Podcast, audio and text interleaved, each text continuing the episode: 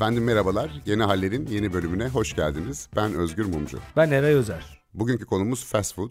Biraz hamburgerlerden, pizzalardan bahsedeceğiz. Bakalım hayırla mı yad edeceğiz yoksa eleştirel bir yaklaşımımız mı olacak? Eray Bey bir fast food müşterisi misiniz? Evet.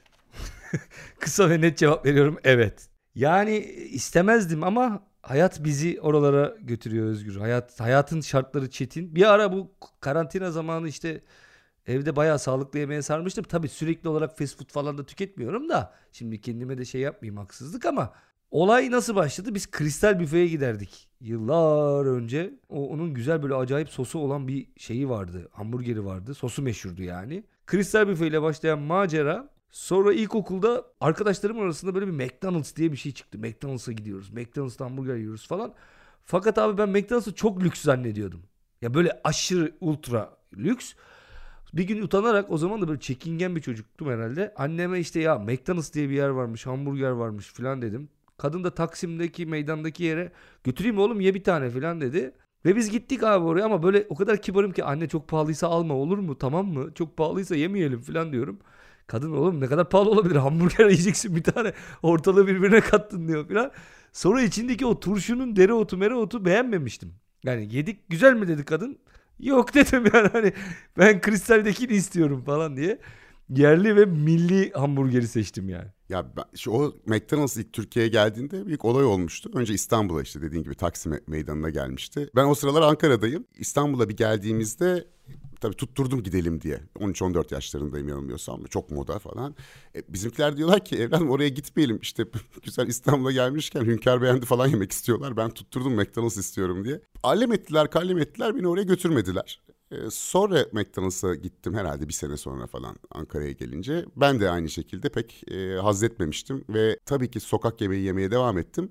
Ama yerli ve milli devam ettim orada da. Yani böyle et şiş olsun, döner olsun gibi, kebap olsun gibi şey biraz daha geleneksel tatlara doğru eğilimim devam etti. Pek e, aram olmadı yani şeyle bu, bu tip klasik fast food'la. İki tane de McDonald's hikayem de ODTÜ'de var. Ben gittim ODTÜ'de McDonald's kapansın savaşı var yani artık hatırlarsın. Her gün eylem vardı. O McDonald's o gün her şeye rağmen kapanmadı. Bizlerin protestosuna tabii artık protesto eden taraftaydık. Ama sonrasında da nasıl oldu biliyor musun? McDonald's müşterisizlikten kapandı ODTÜ'de gerçekten. Bir de hazırlıktayken ben listening dinleme dersinde işte bir şey izliyorsun video oradan sorular çıkıyor ya yazılı. Sınavdayız abi. Sınavda çıkan video Moskova'daki ilk McDonald's açılışıydı. Hala aratırsan Google'da çıkar. Millet kapılarında e, birikmiş falan filan. Ve bunu sınavda düşünsene yani bunu izletiyorlar. Nasıl bir ideolojik aslında bir angajman bu. Ve ben sınavı terk ettim abi. Dedim ki sınav böyle bir şey yapamazsınız ya. Bu ne kadar acayip bir şey. McDonald's açılışını Moskova'da izlemek zorunda mıyım kardeşim ben? Böyle millet kapılarda birbirini parçalıyor falan. Hani komünizm çöktü yaşasın kapitalizm diye bir video izletiyorlar bize. Yani tamam du- somut durum bu olmuş olabilir de biz niye buna tanık oluyoruz ya bu kadar? Derste niye soruluyor bu diye. Sonra arkamdan bir kişi daha geldi kimse gelmedi başka. İki kişilik şeklinde terk ettik sınavı. Yani aslında çok mantıksız da bir soru değilmiş Eray. Yani bakınca şimdi neden? Çünkü gerçekten çok sembolik bir olaydı. Ben onu televizyonda izlediğimi hatırlıyorum. Yani o akşam haberlerinde. O büyük bir olay olmuştu. Biraz bu fast food'un başlangıcına dönelim. Oradan yine McDonald'slarımıza geliriz. Fast food diyoruz bir de sokak yemeği diye bir hadise var. Yani Roma İmparatorluğu zamanında da işte kazılardan falan çıkıyor. Eski şehirlerde işte tezgahlar falan mevcut. Yani insanlar böyle ayaküstü bir şey yemeleri yeni bir hadise değil. E, fakat hamburgerin belirmesi biraz daha yeni bir hadise ve daha sonra işte bu otomatikleşmiş bu franchise sistemiyle bu tek tip restoran zincirlerinin gelmesi ise modern bir olgu. İkinci Dünya Savaşı'ndan sonrasına e, denk geliyor. E, bu hamburgere baktım ben. E, ilginç geldi bana. Hamburgeri icat ettiği ileri sürülen çok kişi var. Bunların hangisi olduğunu bulması zor. Ya bir de neticede dünyanın en zor şeyi de değil işte e, ekmek arası köftenin bir versiyonu netice itibariyle. Ama 1800'lü yılların sonundan itibaren Amerika'nın çeşitli bölgelerinde özellikle bu fuarlarda, panayır yerlerinde e, hamburger benzeri e, yiyeceklerin satılmaya başlandığını görüyoruz. İsminin de verilmesinin sebebi Hamburg köftesi denilen bir köfte var kıymadan yapılan. O Hamburg köftesini işte bir iddiaya göre birisi yapışıyor diye düzlemiş bu bildiğimiz hamburger köftesi formuna yaklaşmış. İşte bir iddiaya göre birisi bir fuardayken insanlar gezerken yesinler diye işte içine turşu koymuş, ekmek arasına koymuş, vermiş falan. Böyle 4-5 kişi var ve aralarında bir rekabet de var. Tatlı sert diyebileceğimiz şekilde. Mesela bir e, yere gidiyorsunuz işte hamburgeri bizim Charlie bulmuştur 1890'da diyor. Biri diyor ki 1901'de bilmem kim bulmuştur falan. Ama şu biliniyor 1904 senesinde Amerika'da bir St. Louis fuarı yapılıyor ve o fuarda çok sayıda e, hamburger satılıyor ve gazetelerde yer alıyor işte bu e, fuarın yıldızı oldu bu yiyecek gibi. Oradan sonra alıp yürüyor hamburger dediğimiz hadise. Bir tane de Roma'da bir tarif var. Bu arada ilginç tabii. Neden bahsetsek yolumuz Roma'ya çıkıyor. Hakikaten kadim medeniyet olduğunu buradan insan çok rahat anlıyor. Yani bir şey konuşacak olsak illa Roma'dan bir örnek çıkıyor. Ee, senin daha evvel yine vurgu yaptığın bir Pompei'de en son yapılan bir kazıda milattan önce 79'a işte yüzlere filan ait bir takım kalıntılar bulunuyor. Oralarda termopolyum dedikleri bir takım mekanlar bulunuyor. Bunlar aslında fast food zincirlerinin ilk örnekleri gibi. Gerçekten de öyle. Neden öyle? Mekanın bazı özellikleri var. Çoğu hali termopolyo diye geçiyor. 150 tane bulunmuş Pompei içerisinde. Bunlar çarşının içindeki yemek dükkanları ama şu önemli. Kendilerine has bir dekorasyonları var. Bazı resimlerle kendilerini diğerlerinden ayırmak için adeta birer logo kullanıyorlar. Birden fazla yemek çeşidi var ve bu yemek çeşitleri hızlı bir şekilde belli ki servis ediliyor. Hatta ve hatta yemek çeşitlerini e, betimleyen yani aslında bir tür menü olarak kabul edebileceğimiz yine yemeklerin bir takım çizimleri yer alıyor. Yani bunlar var işte domuz yahnisi var atıyorum şimdi işte balık var tavuk var filan gibi bunların hepsinin resimleri var mekanın içerisinde. Bu özellikleriyle ta işte milattan önce yüzlü yıllarda Pompei'nin içerisinde bildiğimiz fast food satan 150 de hiç az bir sayı değil yani 150 tane şey olması restoran olması termopolyum olması. Gerçekten yolların hepsi Roma'ya çıkıyor. İran'da da mesela var benzeri bir yapı. O daha da eski ama tabii İran'dakiler fast food diyebilir miyiz bilmiyorum. Zaten sonra şeye geleceğiz. Fast food aslında sadece yemeğin nasıl servis edildiğiyle ve nasıl tüketildiğiyle alakalı bir şey değil sadece. Başka bir kültürden bahsediyoruz. Nasıl hazırlandığından, nasıl tasarlandığından, nasıl dizayn edildiğine kadar aslında 20. yüzyılın başlarında ortaya çıkmış bir şey. Ona geliriz. Ama tarih öncesinde de böyle çarşının, pazarın içerisinde tüketilen şeyler var. Osmanlı'da mesela işte simit çok eski, benzer bir şekilde satılıyor. 14. yüzyıldan beri var. 16. yüzyılda yine Evliya Çelebi'nin notları arasına girmiş. İstanbul'da 70 fırında 300 kişi çalışıyor falan diye not almış. Döner 17. yüzyıldan beri var yine aynı şekilde. O zaman yataymış ama bu cağ kebabı vardır öyle. 19. yüzyılın ortasında 1850'lerde falan da ilk defa dikey hatta bu İskender kebabın büyük büyük dedesinin ilk defa döneri dikey hale getirdiği aile tarafından iddia ediliyor. Yani ilk defa dedem diyor, büyük büyük dedem diyor döneri dikey sattı. Dolayısıyla hızlı tüketilen yerler var ama hani bu fast food mudur? Sadece tüketim açısından evet hızlı tüketilmiş yemeklerdir. Bir tane de Isisia Omentata diye gördün mü notlarında hiç denk geldin mi? Bir şey tarifi var. Roma'da yine bir burger tarifi var. Şeyle yapıyorlar. Baktım merak ettim. Kıyma, biber, şarap koyuyorlar. Çam fıstığı koyuyorlar. Bir de kendilerine ait bir sos koyuyorlar. Apicius diye bir yazarı bilinmeyen bir yemek kitabının içinde geçiyormuş bu tarif. Hatta işte benim baktığım kaynakta yapımını mapımını da göstermişler. Bir tür hakikaten burger köftesi gibi bir şey hazırlıyorlar. Yani zaten ne kadar zor olabilir canım. Yani insanın aklına köfte ekmeğin gelmesi de. Ya milattan önce 5. yüzyılda belki zordur öyle deme yani. Ya bu şimdi tabii var bu ayaküstü yemek işi. E, bütün toplumlarda şu ya da bu şekilde var. O gözüküyor. E, yavaş yavaş işte ayak seslerini duymaya başlıyoruz ama bugünkü anlamda fast food'un. 1860'da İngiltere'de bir fish and chips dükkanı açılıyor. İşte şimdi hala önünde bir plaketi var. Oldham'daymış. E, orada yavaş yavaş bir şeyler başlıyor. Almanya'da, Berlin'de bu satış makineleri işte böyle sandviç mandviç alıyorsun para verip otomatlar 1896'da geliyor. 1902'de Amerika Birleşik Devletleri'nde de bunları görmeye başlıyoruz. Yani bir otomatikleşme başlamış. Bugünkü anlamda bildiğimiz ilk zincir fast food restoranı ise 1921'de açılıyor. Adı White Castle. Onu biz bilmiyoruz çünkü ABD'de sınırlı kalmış. Bir iki yabancı ülkede de şube açmışlar ama fazla büyümemiş. Bunlar çünkü franchise sistemine girmemişler. Her şeyi kendileri kontrol etmek istemiş. Dükkanları hep kendileri açmışlar. O sebeple de e, White Castle değil McDonald's'ı biliyoruz. Çünkü ilk franchise'ı başarıyla uygulamış olan şirket o olduğu için. Yani onun modeli oturuyor. White Castle'ınki pek oturmuyor ama çok benziyor o da. E, ikisi de birbirine. Neticede hızlı bir servis var ve bütün dükkanlar birbirleri aynı ve aynı prosedür e, söz konusu. Ama bunu mükemmelleştiren iki McDonald birader oluyor 1940'lı yıllarda. Richard ve Morris McDonald kardeşler dükkanı açıyorlar San Bernardino, Kaliforniya'da ve yavaş yavaş franchise vermeye başlıyorlar. Bir röportajlarını okudum şey diyorlar ilk franchise'ı verdikleri zaman sistemi öğretmişler. Buna Speedy Service System diyorlar. Bugünkü fast food zaten o onun temeli. Franchise verecekleri kişi demiş ki ben McDonald's ismini kullanmak istiyorum dükkanda. O zamana kadar sadece bir McDonald's var. E niye ki demişler adamlar. Bizi orada hiç kimse tanımıyor ki. Yani istediğin ismi koy. Sen bizim sistemimize para vereceksin. Yok ya ben sizi çok sevdim. Sizin isminizi koyalım demişler. Bunlar uzun süre itiraz etmiş. Ya deli midir nedir? Niye bizim ismimizi koyacaksa bu adam falan diye.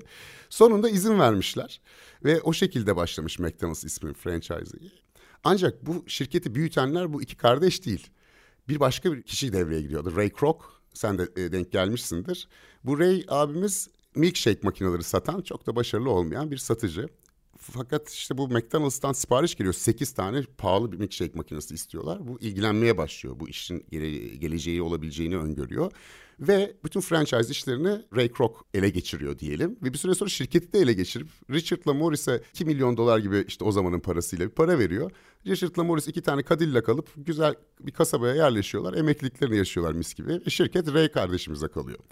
Fakat şunu gördüm. Ray çok zengin oluyor tabii. Koskoca McDonald's yani. Artık Richard mıydı, Morris miydi bu? Bunlardan biri 90'lı yıllarda galiba ya da 80'lerin sonunda yapılan bir röportaj var. Vallahi ben çok mutluyum diyor ya. Yani McDonald's'ın başında olsaydım şimdi bir sürü param olacaktı. Onu vergiden mi kaçıracaktım? Sürekli kafamda bir sürü dert. Hayata eğlenmeye geliyoruz. Acayip mutluyum. Hayatımdaki en iyi fikirdi diyor.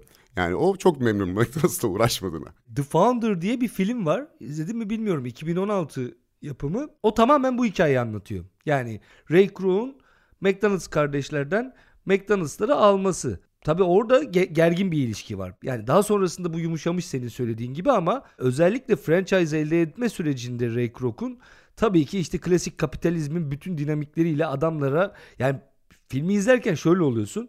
Diyorsun ki nasıl ya böyle alınmaz ki bu falan diyorsun. Nasıl ya mahkeme böyle karar vermiş olamaz falan diyorsun. Çünkü adamlar bayağı kurucusu olarak franchise hakkını veriyorlar ve o sözleşmeye yani yaptıkları sözleşmeye dayanarak Ray Kroc bütün bundan sonraki satacağım yani ben franchise'ı vereceğim ve parayı ben kazanacağım. Siz de bundan kar alacaksınız. Bu kardeşlerin böyle yine filmde yansıtıldığı kadarıyla takıntılı bir halleri var. Böyle yani işte orada sistem bizimkisi gibi değil. işte kalite daha düşük. Biz buna izin veremeyiz. McDonald's adını böyle bir yerde kullandıramayız gibi hassasiyetleri var. Ray Kroc ise tam bir iş adamı ve böyle bir orta sınıf işte klasik. Eskiden ambulans şoförlüğü yapıyormuş bu sat, makine satma pazarlama işinden önce. Aslında fast food zincirlerinin neredeyse tamamına yakını benzer öyküler. Böyle çok okumuş adamlar değiller bunlar. Amerika'nın alt orta sınıfına dahil adamlar ve bir şekilde böyle sistemin içerisine girip söke söke alırız paramızı kazanırız, ekmeğimizi taştan çıkartırız diye. Hepsinin ayrı bir hikayesi var. İşte Subway'i kurarken genç yaşta çocuk gidiyor arkadaşından ödünç alıyor falan filan paraları. Birisi annesinden alıyor para gidiyor pizzacı açıyor pizza at oluyor falan. Hepsinin böyle bir az okumuş, genellikle böyle orta sınıf ve hizmet sektöründe iş yapmış ama bir şekilde yırtmaya çalışan ve aslında işte o kapitalizmin işte bakın fırsatlar ülkesi burası demesine vesile olan bir e, yapı var aslında yani. Gerçek bir Amerikan rüyası baktığında birdenbire patlayan işler, e, müthiş bir gelir, bütün dünyaya yayılmak falan. E, bu bir dönem hikayesi aynı zamanda da. 1940'lar, 50'ler ve 60'larda büyük bir işte fast food zincirleri patlaması gerçekleşiyor. İşte McDonald's 48'de e, kuruluyor. Ardından Burger King geliyor işte 1950'ler, Taco Bell'ler, işte Wendy's'ler, KFC'ler, Pizza Hut'lar bunlar böyle 10-20 sene içerisinde birbirlerine de baka baka birbirlerine de özene özene ki mesela Burger King öyle kurulmuş. İşte kurucusu McDonald's'a gitmiş. Aa bu güzel fikirmiş ya ben de bundan yapayım demiş falan. Her yere yayılıyorlar. Bir defa birkaç şeye bu bağlanıyor. Birincisi dışarıda yeme kültürü artıyor ve ekonomik olarak bir refah dönemi 1950'lerden itibaren. İkincisi daha önce bu alışveriş merkezlerinden de bahsettiğimiz yayında e, değinmiştik. E, arabalaşma, otomobilleşme e, hadisesi ve suburblerde yaşama işi başlıyor. Arabalarla drive-in dedikleri işte gidiyorsunuz yiyeceğinizi yiyip çıkıyorsunuz. Bu AVM'ler, MAVM'ler derken E bu franchise yöntemi de çok iyi çalışıyor ve birdenbire bir fast food kültürü oluşmaya başlıyor. Her yerde pıtrak gibi bu fast food restoranları çıkıyor ve insanların yeme içme alışkanlıklarını, sosyalleşme alışkanlıklarını önemli ölçüde değiştiriyor ve bir hayat tarzı da aslında vermeye başlıyor. E, Birçok yerde de Amerikan kültürünün yozlaştırıcı etkisinin simgesi olarak görülüyor. İşte senin de o sınav kağıdında antemperyalist tutumunu göstererek sınıfı terk etmenden de görebileceğimiz üzere. Ve yani artık hamburger sadece hamburger değildir diyebileceğimiz bir yere geliyor anladığım kadarıyla. Kesin öyle. Bu senin söylediklerine bir de şeyi de ekleyelim. Kadının iş hayatına katılımının artması, iş gücünün bir parçası haline gelmesiyle birlikte modern toplumda artık evde yemek yapan bir kadından daha çok üretime katkıda bulunan sanayinin içerisindeki bir kadın rolüyle birlikte bütün bu rol değişimlerinin doğal bir sonucu olarak bir hızlı yemek yeme ve tüketme kültürü ama buradaki esas kritik şey bu kurulduğunda aslında bir orta sınıf eğlencesi de. Yani bugün Amerika'ya gitsen orta sınıftan pek insan göremezsin çünkü çok ucuzdur ve dökülüyordur McDonald'slar. Biz mesela McDonald's'a giderken böyle giyinip minip arkadaşlarla toplaşıp moplaşıp gittiğimizi hatırlıyorum ben ortaokulda pizza ata falan sanki özel bir davete gidiyormuşuz gibi. Sonra mesela işte Türkiye'de uzunca bir süre aşırı hijyenik ve lüks yerler olarak kaldı bu mekanlar hepsi. Belki de bizim işte orta üst orta sınıfımız tüketeceği için birazcık öyle bir yere konumlandı. Sonra ama anlaşıldı ki o öyle değil aslında işte en ucuz yenen yemeğin en ucuz yendiği yer filan. Kuruluşu da böyle. Niye işte çünkü belli bir standartizasyon var. İlginç olan kısmı şu. Açıldığı zamanlar Amerika'da da aslında bir ailenin tüketim kültürü içerisinde kendini hissetmesi. Kazanıyorum ama ailecek de yemeğe gidiyoruz. Çocuklarla beraber dışarıda bir şeyler yiyoruz falan dediği mekanlar bunlar. Bir tür hani senin daha evvel AVM'leri konuşurken söylediğin üçüncü mekan teorisine denk geliyor. Yani iş ve ev dışında takıldıkları, zaman geçirdikleri, boş zamanlarını geçirdikleri bir mekan. Her ne kadar tüketim hızlı bile olsa yani fast food'da bir slow yani daha yavaş zaman tüketimi var. Boş zaman tüketimi var. Daha sonrasında aslında tamamen sadece anlık karın doyurmaya gittiğimiz paramız yoksa ben bir kere bu futbol yazarlığı zamanı Milano'da çok az harcırah vermişlerdi. Milano'da çok pahalı. İçim dışım hatırlamıyorum ya McDonald's ya Burger King oldu. Yani Başka türlü o parayı yettirmemin imkanı yoktu. Öğlen oradaya, akşam oradaya. Arada tabii kendime birazcık böyle alkollü kaçamaklar yapıyordum falan. Tam bu işe yarıyor yani. Hani açlıktan ölmeme noktasında gidip tükettiğin şeyler mekanlar olarak pozisyonlanıyor. Sonraki gelişimi de birazcık böyle oluyor. Yani darda kalıp mecbur kaldım benim de oldu özellikle yurt dışında dediğin sebeplerle. Tabii fast food deyince hemen ikinci cümle onu takip eden sağlık sorunları oluyor. Yani bu fast food'un bütün dünyada e, önemli bir kamusal sağlık sorununa yol açtığı e, çok aşikar. Ve e, bu sebeple de çeşitli düzenlemeler, sınırlamalar getirilmesi söz konusu. Özellikle Avrupa Birliği devletlerinde hem menüyü çeşitlendirmeleri yönünde yasal düzenlemeler var. Hem de özellikle çocuklara yönelik yaptıkları kampanyaların kısıtlanması amacı taşınıyor. Sende iyi istatistikler vardı diye biliyorum. İnanılmaz. Yani rakamlar o kadar çarpıcı ki. Ya mesela Ronald McDonald işte şey palyaçosu. Yani çocukların %96'sı biliyor ya Amerika'da. %96 çocuk Ronald'ı tanıyor. Ve tek rakibi Noel Baba. Yani Noel Baba ile popülerlikte yarışıyorlar. Yine enteresan Sadece 2020 yılında Amerika'nın %96'sı bir kere McDonald's'a gitmiş mesela. %50'den fazlası Amerikan nüfusunun özgür McDonald's'a 3 dakika veya daha kısa bir mesafede oturuyor, yaşıyor şu anda. Yani evinden çıktığın zaman Amerika'nın yarısı 3 dakika içerisinde McDonald's'a ulaşabiliyor. Zaten geri kalan yarısı da dağ başında çiftlikte falan yaşayan abiler değil mi? Hani evet, elde tüfek duruyor, evet. geleni vuruyor falan. Onlardır herhalde gerisi de. Aynen. Yani bu şehir hayatının içerisinde kesinlikle McDonald's'ın 3 dakika yakınında yaşıyorsun. O kadar çok sayıda var. Mesela McDonald's Amerika'nın en büyük oyuncakçısı aynı zamanda. Dağıttığı oyuncaklar nedeniyle, o Happy Meal nedeniyle. En büyük dağıtım onda. Dışarıda Amerikalıların harcadığı paranın %7.3'ü McDonald's'a harcanıyor. Acayip bir rakam bu. Tüm restoran ziyaretlerinin Amerika'nın içerisindeki %17'si McDonald's'a yapılıyor. Şöyle bütün dünyada tüketilen hamburgerlerin %32'si McDonald's. Tüm patateslerin %26'sı McDonald's.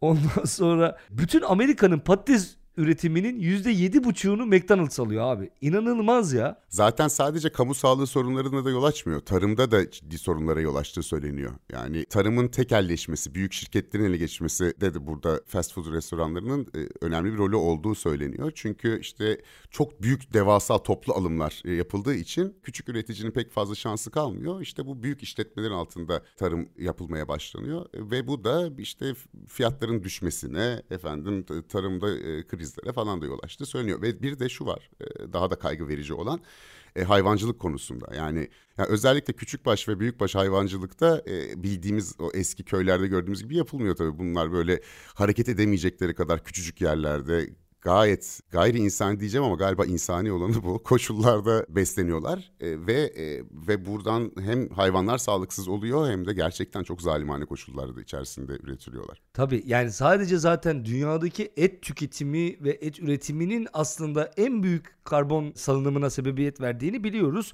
ama bilmezden geliyoruz. Sağlık meselesinde mesela değindik. Şimdi o kadar acayip ki oradaki rakamlarda. Mesela haftada 4 kez yiyorsanız kalp krizi riskiniz %80 artıyor. %80. 2012'de Minnesota Üniversitesi'nin yaptığı araştırmaya göre. Mesela hafıza kaybı yapıyor. Bildiğin yeni hafıza oluşturmanın önüne geçiyor.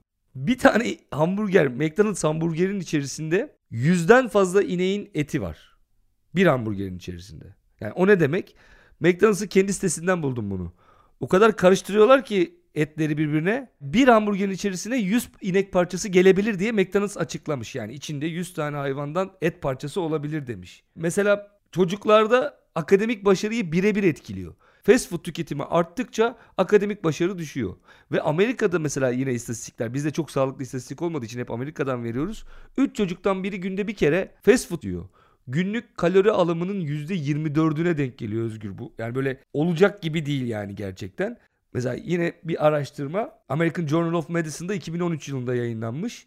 Nugget'ın içerisinde tavuk eti bulamamışlar. İçerisinde çok çok az tavuk var Nugget'ın. Hani yiyenlerin haberi olsun ben de arada yiyorum. Genellikle sinir, yağ, tendon, kıkırdak ve kemik parçalarının ufalanmış hali. Ne ararsan var. Ha depresyonla mesela %51 artıyor. Eğer bir fast food tüketicisiyseniz depresyona girme ihtimaliniz %51 artıyor. Ve de daha komiği yani daha doğrusu trajikomiği yedikçe de depresyon şansınız artıyor. Yani ne kadar çok tüketirseniz depresyona girme şansınız o kadar artıyor. Kısacası ez cümle ne ararsan var valla. Evet evet ben bu programa çalışırken o kadar çok e, bu tip bilgiye maruz kaldım ki e, bir baktım brokoli çorbası içerek çalışıyorum. Yani beni inanılmaz doğal beslenmeye itti bu çalıştığımız bir, birkaç günlük süreç.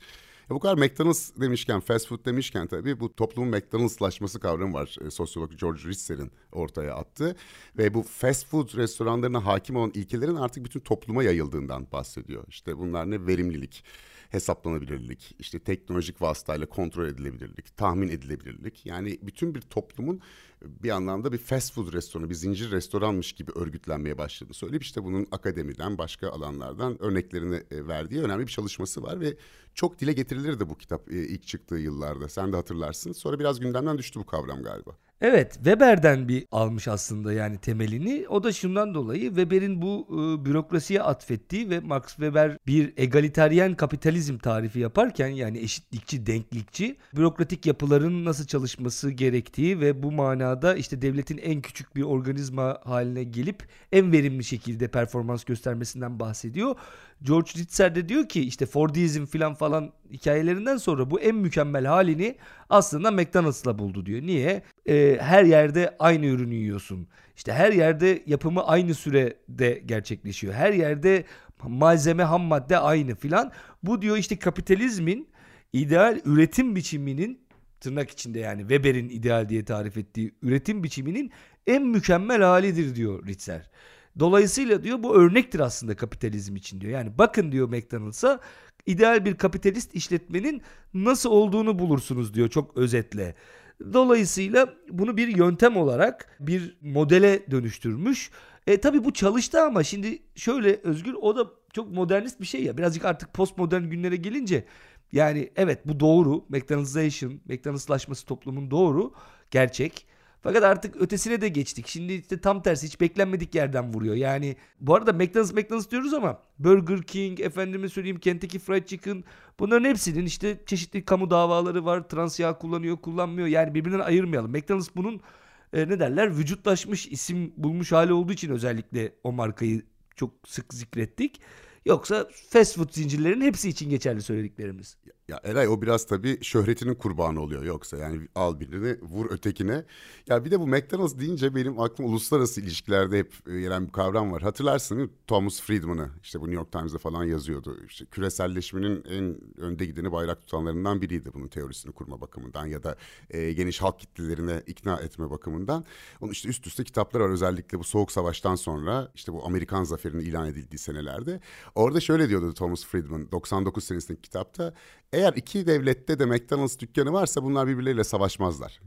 Güzelmiş. Çünkü ikisi de küresel ekonomiye adapte olmuştur e, ve çatışmalarını başka şekilde halledebilirler diye ta ki 2008 senesine kadar Rusya 2008'de Gürcistan'a gayet güzel saldırdı ve ikisinde McDonald's'ı vardı. E bugün Ukrayna'da da görüyoruz. Artık olmayan yer yok ki hiç savaş çıkmayacak demektir başka türlü yani. E, ya da evet bu teori bir yerde Patlayacak belli ki patlayacaktı. yani. İşte 9-10 sene sürdü ama Gürcistan-Rusya savaşıyla beraber bu Thomas Friedman'ın e, şeyi hüsnü kuruntusu diyelim e, suya düştü. Peki Özgür Beyciğim bölümü yavaştan kapatalım. Bu böyle hızlı bir bölümümüz. Ne dersiniz? Nasıl bir orkolukla bitirmek istersiniz? Çok elverişli, halk sağlığına zararlı ama bir yandan da dayanamadığımız hepimizin tüketicisi olduğu fast foodlarla ilgili. Buyurun. Yani ben fast food'un bir sonuç olduğunu düşünüyorum. Ee, özellikle 1950'li yıllarda it- itibaren başlayan işte bu otomobilleşme kültürü, tüketim toplumu, e, işte e, genel itibariyle sermayenin küreselleşmesi falan derken bütün bunların bileşkesinden oluşuyor. Zaten bu şekilde devam eden bir dünya küresel ısınma falan filan derken hiçbirimize yar olmayacak. Orası açık. Yani genel itibariyle bütün dünyadaki sistemi değiştirirsek e, elbette bunlar da ayakta fazla kalamayacaklardır. E, önemli olan bizim o tercihi yapmamız diye düşünüyorum ve e, orkolumu bu şekilde bitiriyorum. Esen kalın efendim. Tamam o zaman ben de şöyle çok daha kısa bitireyim. Feuerbach 1863'te şöyle söylemiş. You are what you eat. Yani ne yiyorsanız siz olsunuz. Buna göre tüketelim. Buna göre karar verelim hayatta nasıl bir tüketim alışkanlığına sahip olacağımıza diyorum efendim. Bir sonraki bölümde görüşmek üzere. Kalın sağlıcakla. Merhaba. Bu bölüm biterken size ufak bir notumuz var. Yeni hallere destek olmak, bültenimize, konuklu özel bölümlerimize ve köşe yazılarımıza erişmek için Patreon hesabımızı ziyaret edebilirsiniz. Hesaba ulaşmak için patreon.com adresine yeni haller yazıp aratmanız yeterli. Teşekkürler.